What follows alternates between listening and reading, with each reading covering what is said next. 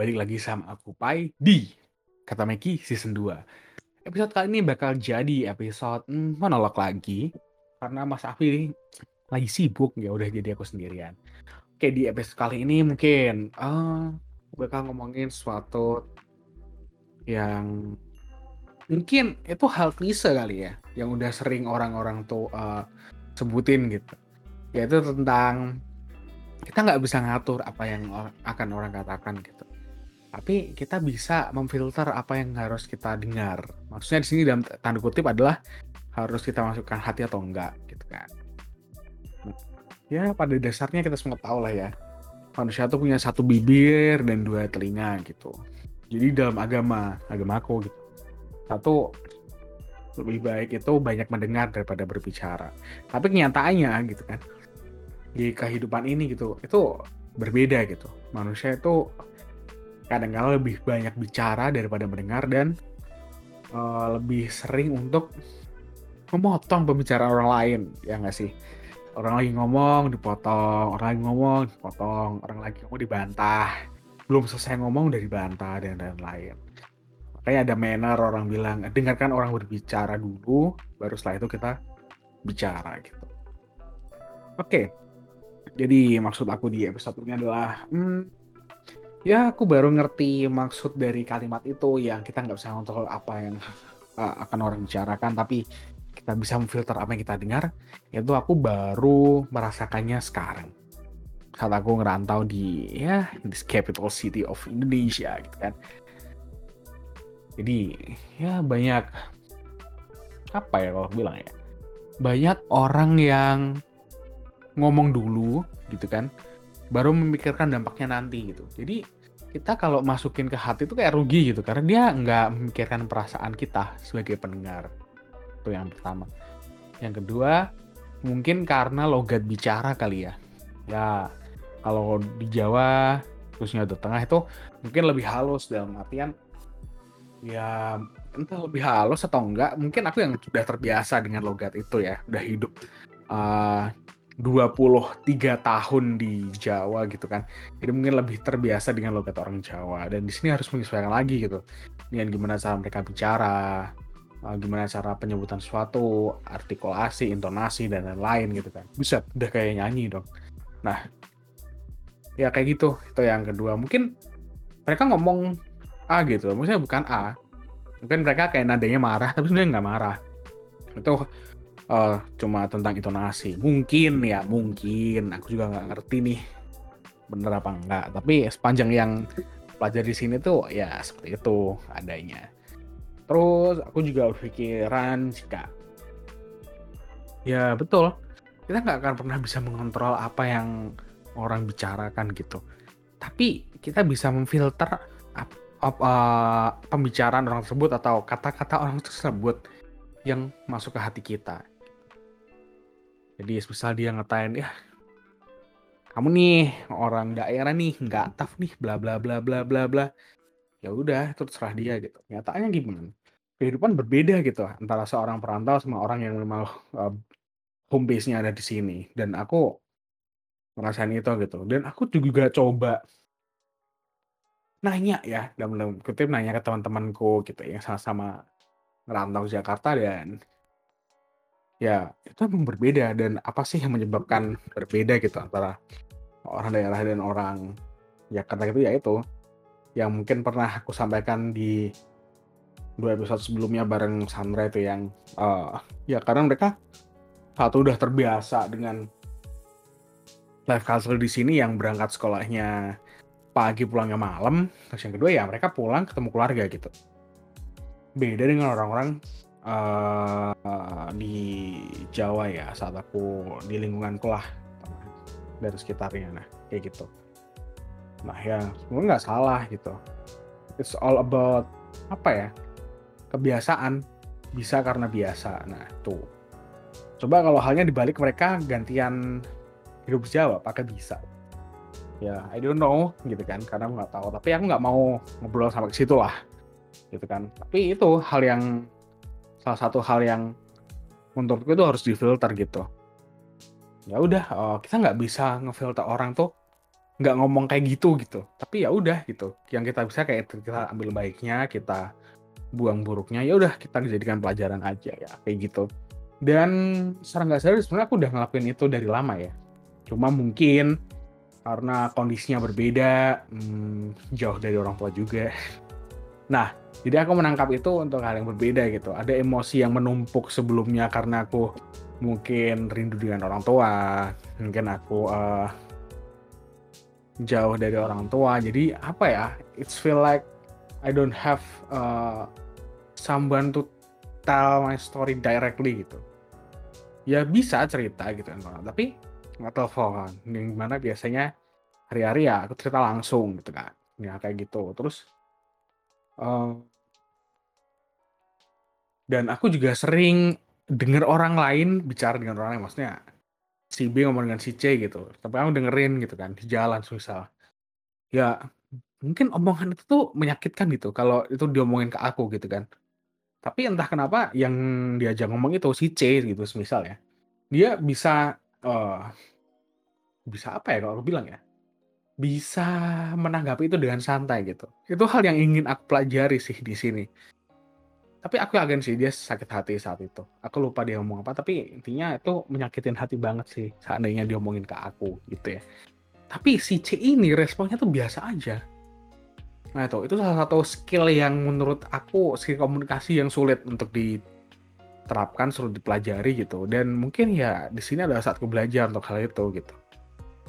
Bicara sampai aja, uh, walaupun dengan sakit hati ya. Dan aku sering di sini ngelakuin kayak gitu kayak ya I'm sorry uh, menurutku I face a kind of bullying in here gitu. But it's okay.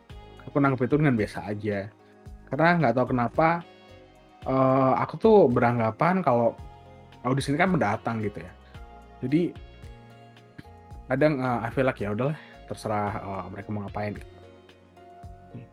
yang penting aku ngakuinya benar aku nggak nyenggol mereka duluan mereka mau nyenggol aku duluan ya udah gitu. Gitu. Aku punya anggapan kayak gitu. Kalau itu salah mungkin teman-teman boleh komen. Dan hal-hal yang aku pelajari juga di sini adalah um, menghargai orang lain itu penting teman-teman. Kayak gitu. Nah gimana sih cara kita menghargai orang lain? As simple as mendengarkan mereka berbicara sebetulnya. Apakah sering lihat orang di sini tuh motong orang yang lagi bicara. Jawabannya sering, dan aku sering lihat itu sendiri. Dan even saat aku ngomong ya juga sering dipotong juga sih. Tapi ya ya ya udah gitu. Kalau aku sih nggak mau potong kayak gitu karena menurutku ya dengarkan orang lain bicara dulu, baru kita motong kayak gitu. Oke, mungkin selanjutnya hmm, ngomongin tentang apa lagi ya? Mungkin ada mau nanya kabarku di Jakarta kali ya ya bulan lalu aku habis covid gitu kan. Uh, dan aku begitu sadar pentingnya asuransi teman-teman. Saat itu. Karena uang yang aku keluarkan tuh nggak sedikit gitu. Kalau ada yang nanya apakah aduh sorry batuk. Apa enggak di reimburse sama perusahaan dan lain-lain? Jawabannya adalah enggak gitu kan. Even my company doesn't give me uh, BPJS jadi I pay it by myself monthly. Nah kayak gitu. Nah terus ya udah uh, aku ketemu sama orang asuransi dan yang dijelasin dan lain-lain I think it's good gitu kan. Itu bagus. Dan aku mikirnya adalah di sini aku sendirian gitu. Nah maksudnya sendirian ya maksudnya ya saudara ada tapi kan aku nggak mau nyusahin saudaraku terus menerus gitu kan. Waktu aku sakit. Jadi ya I think insurance is uh, one of choice that will help me in the future gitu. Kalau aku terus di sini terus Jakarta gitu ya. Karena ya aku rasa manfaat yang diterima tuh bagus banget sih. Untuk harga segitu ya it's very very worth. Terus habis itu ya udah aku du ke di di tawa diajarin lah tentang ya emang asuransi itu butuh dan lain-lain tentang fondasi. Jadi ada fondasinya teman-teman. Pas itu aku jelasin sama agennya ya, yang aku sharing nih. Jadi fondasi pertama asuransi itu asuransi kesehatan emang yang beli gitu kan. Terus di atasnya tuh asuransi penyakit kritis. Emang bedanya apa sih gitu kan? Jadi uh, sebenarnya asuransi kesehatan sendiri itu udah cover dari penyakit yang paling ringan sampai penyakit yang paling parah gitu kan. Kanker itu juga di cover tuh. Operasi yang paling ringan tuh kayak operasi sisian tengan itu juga di cover. Batuk pilek aja pun di cover gitu. Tapi ada syaratnya gitu. Gue nggak ngomong di sini deh. Nah, terus kalau asuransi penyakit kritis itu sebenarnya tentang uh, ini. Jadi, misal nih kita tulang punggung keluarga nih, semisal. Terus kita harus dirawat di rumah sakit sampai nggak bisa kerja gitu. Nah, asuransi penyakit kritis ini memberikan uang untuk kebutuhan hidup keluarga kita karena kita nggak bisa kerja gitu ibaratnya. Terus yang tingkatan paling tinggi itu ada asuransi jiwa ya sama lah ya. Jadi asuransi jiwa kalau kita meninggal uh, klaimnya itu cair bisa diklaim gitu. Terus sudah kayak gitu. Ya karena aku optimis masih bisa hidup gitu kan. masih bisa hidup sampai 20, 30, mungkin 40 tahun depan gitu Ya aku nggak beli asuransi jiwa juga, jadi asuransi kesehatan aja. Tapi itu ada cover asuransi jiwa juga, cuma kecil. Kalau nggak salah aku klaimku kalau misal aku meninggal selama menjadi nasabah itu ya, selama masih bayar premi itu 35 juta. Karena, dan karena aku belum punya ahli waris, jadi aku tunjuk buat ahli warisnya tuh ibuku. Kayak gitu. Nah, ya udah, uh, jadi itu baru berlaku di November harusnya ya. Jadi aku baru bisa pakai itu di Desember karena ada masa tunggu 30 hari untuk penyakit-penyakit yang common gitu lah. Intinya. Terus di sini aku juga belajar kalau terus ya. Tapi uh, literasi keuangan juga nggak maju-maju banget kok sebenarnya di sini maksudnya sama aja kayak aku rasa kayak di Semarang gitu ya. Terus sebenarnya sama gitu dan malah menurutku pribadi gitu ya orang-orang lebih bisa menabung di daerah, jika hidup di daerah di Semarang di Kudus mungkin di Solo mungkin ya tempat-tempat yang daerah gitulah menurutku. Karena hmm, apa ya kok kalau dulu aku pernah belajar ya rasio menabung kali ya kalau nggak salah. Jadi rasio menabung di daerah menurutku lebih tinggi daripada rasio menabung di kota. Menurutku seperti itu menurutku sendiri ya. Aku nggak ngerti gimana betulnya atau mungkin ini based on uh, uh, experience aku sendiri ya. Karena aku WFH dan WFO kan jadinya beda nih. Dan aku merasakan rasio menabungnya lebih tinggi saat aku WFH gitu. Ya mungkin karena aku masih tinggal dengan orang tua juga ya. Kalau di sini kan tinggal sendiri, masih bayar kos, listrik, kebutuhan-kebutuhan bayar sendiri gitu. Nah mungkin itu salah satunya. Ya mungkin nanti aku update lah ya kalau mungkin aku udah punya keluarga, amin, punya rumah sendiri dan lain-lain mungkin tapi itu yang kurasain sih, karena harga barang di sini pun, uh, cukup berbeda jauh ya, even itu barang-barang kebutuhan yang kebutuhan pokok gitu, ada sedikit perbedaan. Tapi ini aku belinya di Superindo. Nggak ngerti kalau di toko kelontong mungkin nggak terlalu ya. Aku rasanya nggak terlalu sih kalau toko kelontong, cuma kalau aku belanja bulanan gitu biasanya di di Superindo tuh aku ngerasa harganya, uh, sedikit berbeda sih, antara di sini sama di daerah gitu. Karena aku jujur orangnya kalau pas belanja, kan di rumah juga sering belanja bulanan tuh, aku merhatiin harga-harganya. Kayak, oh misal beli Rexona, oh segini, terus beli apa, kayak gitu sih. Segini, jadi ibaratnya aku udah budgeting gitu loh di rumah itu tuh kira-kira aku nanti di perantauan nih habis uang berapa nih buat belanja gitu. But it's okay, it's okay. Nah, terus Habis itu kalau harga-harga makanan di sini sih biasa aja menurutku ya. Cari yang murah ada, murah banget ada, mahal banget ada gitu kan. Tapi ya itu ada harga, ada kualitas. Mungkin di sini 15.000 dengan 15.000 di Semarang itu beda kualitasnya dan kuantitasnya ya. Dari, dari segi rasa mungkin ya hmm, 8 12 mungkin ya segi rasa kuantitas mungkin ya mirip-mirip lah kuantitas. Mungkin dari segi kualitasnya yang sedikit timpang. Di 15.000 di Semarang bisa dapat enak gitu. Udah enak tuh. Isinya juga banyak dalam satu piring. Di sini rasanya biasa aja. Bahkan even bikin aku pertama kali ke sini sakit tenggorokan. Yang bener literally tenggorokan bener-bener gatel gitu. Nah, gitu sih tapi sekarang udah mulai terbiasa kok aku tuh dengan micin-micin di sini kan? Nah terus tentang apa lagi ya? Ya ini sekali lagi yang mau uh, aku sebenarnya share gitu ya. Dan ini udah pernah aku dapat uh, uh, ilmu ini dari orang-orang sebelum maksudnya orang sebelum aku sampai situ aku udah dikasih tahu sama orang-orang yang udah kerja duluan di Jakarta gitu. The life pace is very very different. Jadi pace kehidupan di sini tuh bener-bener cepat teman-teman.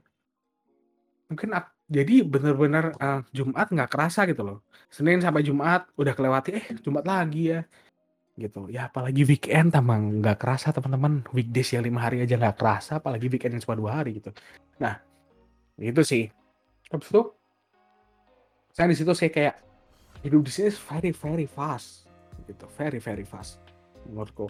Ya dengan traffic jamnya dengan uh, hektiknya hiruk pikuknya itu beneran ada. Aku kira orang-orang tuh kayak ah lebay ah gini ternyata enggak gitu. Bener-bener definisi time is money di sini teman-teman karena karena ya macet itu terus orang-orang jadi bener-bener memanfaatkan waktu yang bener-bener dimanfaatkan gitu loh. Itu yang aku rasain sih di sini. Jadi aku di sini lebih menghargai waktu dan tenaga. Kayak kalau hal nggak penting-penting banget nih aku ya aduh mending istirahat deh gitu. Satu sisi menghargai waktu menghargai tenaga yang kedua hemat gitu. Terus habis itu lagi ya di sini punya teman ya mungkin teman-teman kuliah ya yang kerja di Jakarta. Untuk teman-teman selain kuliah mungkin teman-teman kerja aja. Walaupun beberapa nah tapi ke depannya aku pengen sih maksudnya ya aku mikirnya kayak udah terlanjur sampai Jakarta gitu kan. Masa aku nggak punya relasi baru teman-teman baru gitu. Ya mungkin bisa memberikan insight-insight baru tentang kehidupan di sini gitu kan. Karena secara mereka yang hidup udah lebih lama di Jabodetabek ketimbang aku yang baru dua bulanan lebih dikit gitu. Ya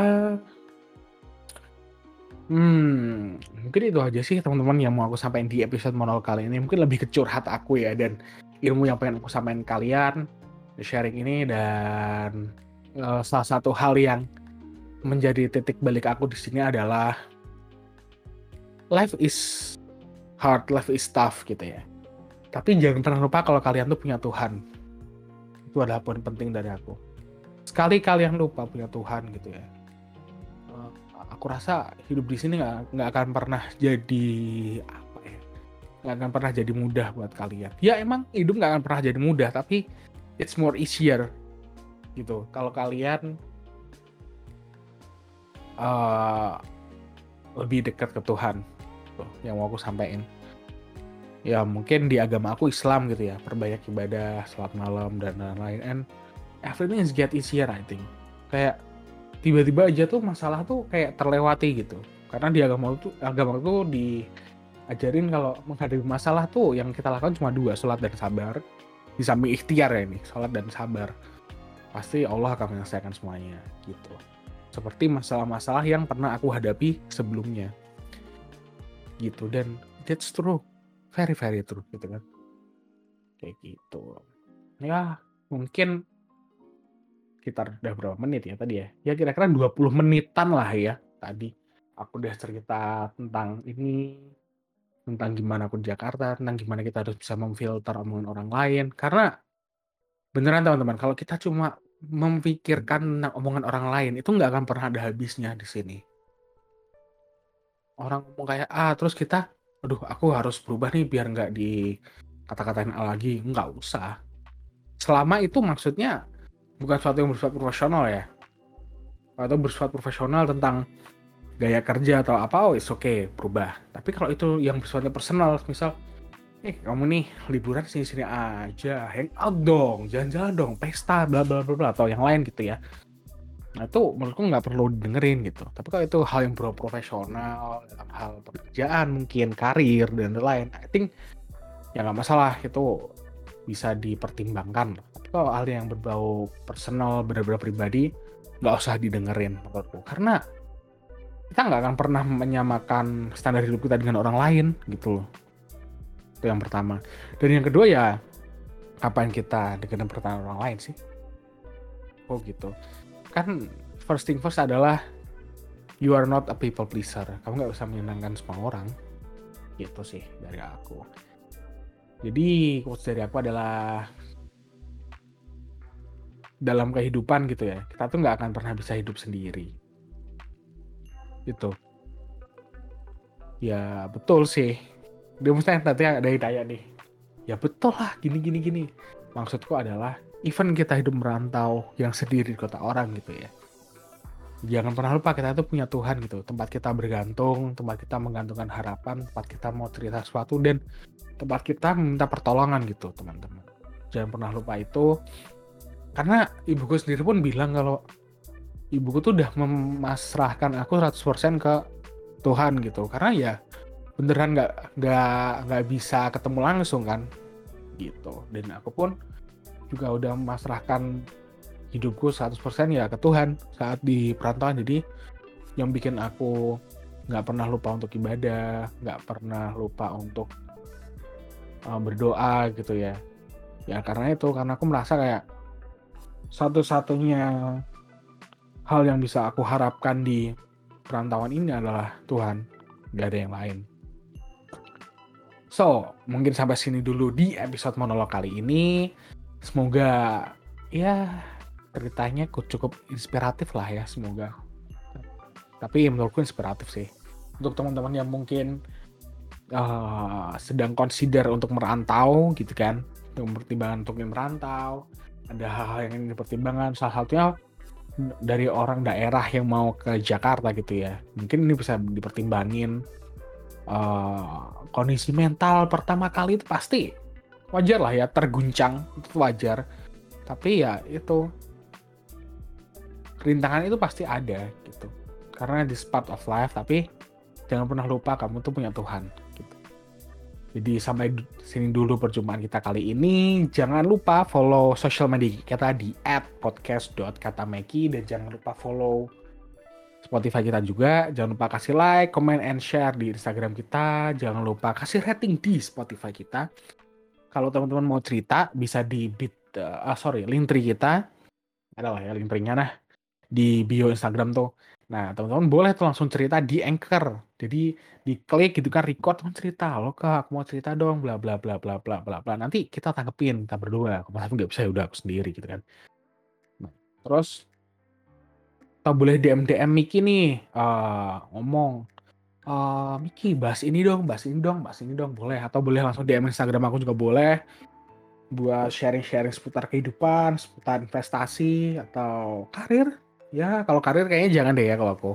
Kayak masih amatiran gitu. Tapi kalau teman-teman merasa ada ingin ditanyakan dan aku bisa jawab it's okay gitu kan. Jadi ya this is life teman-teman. People come and go.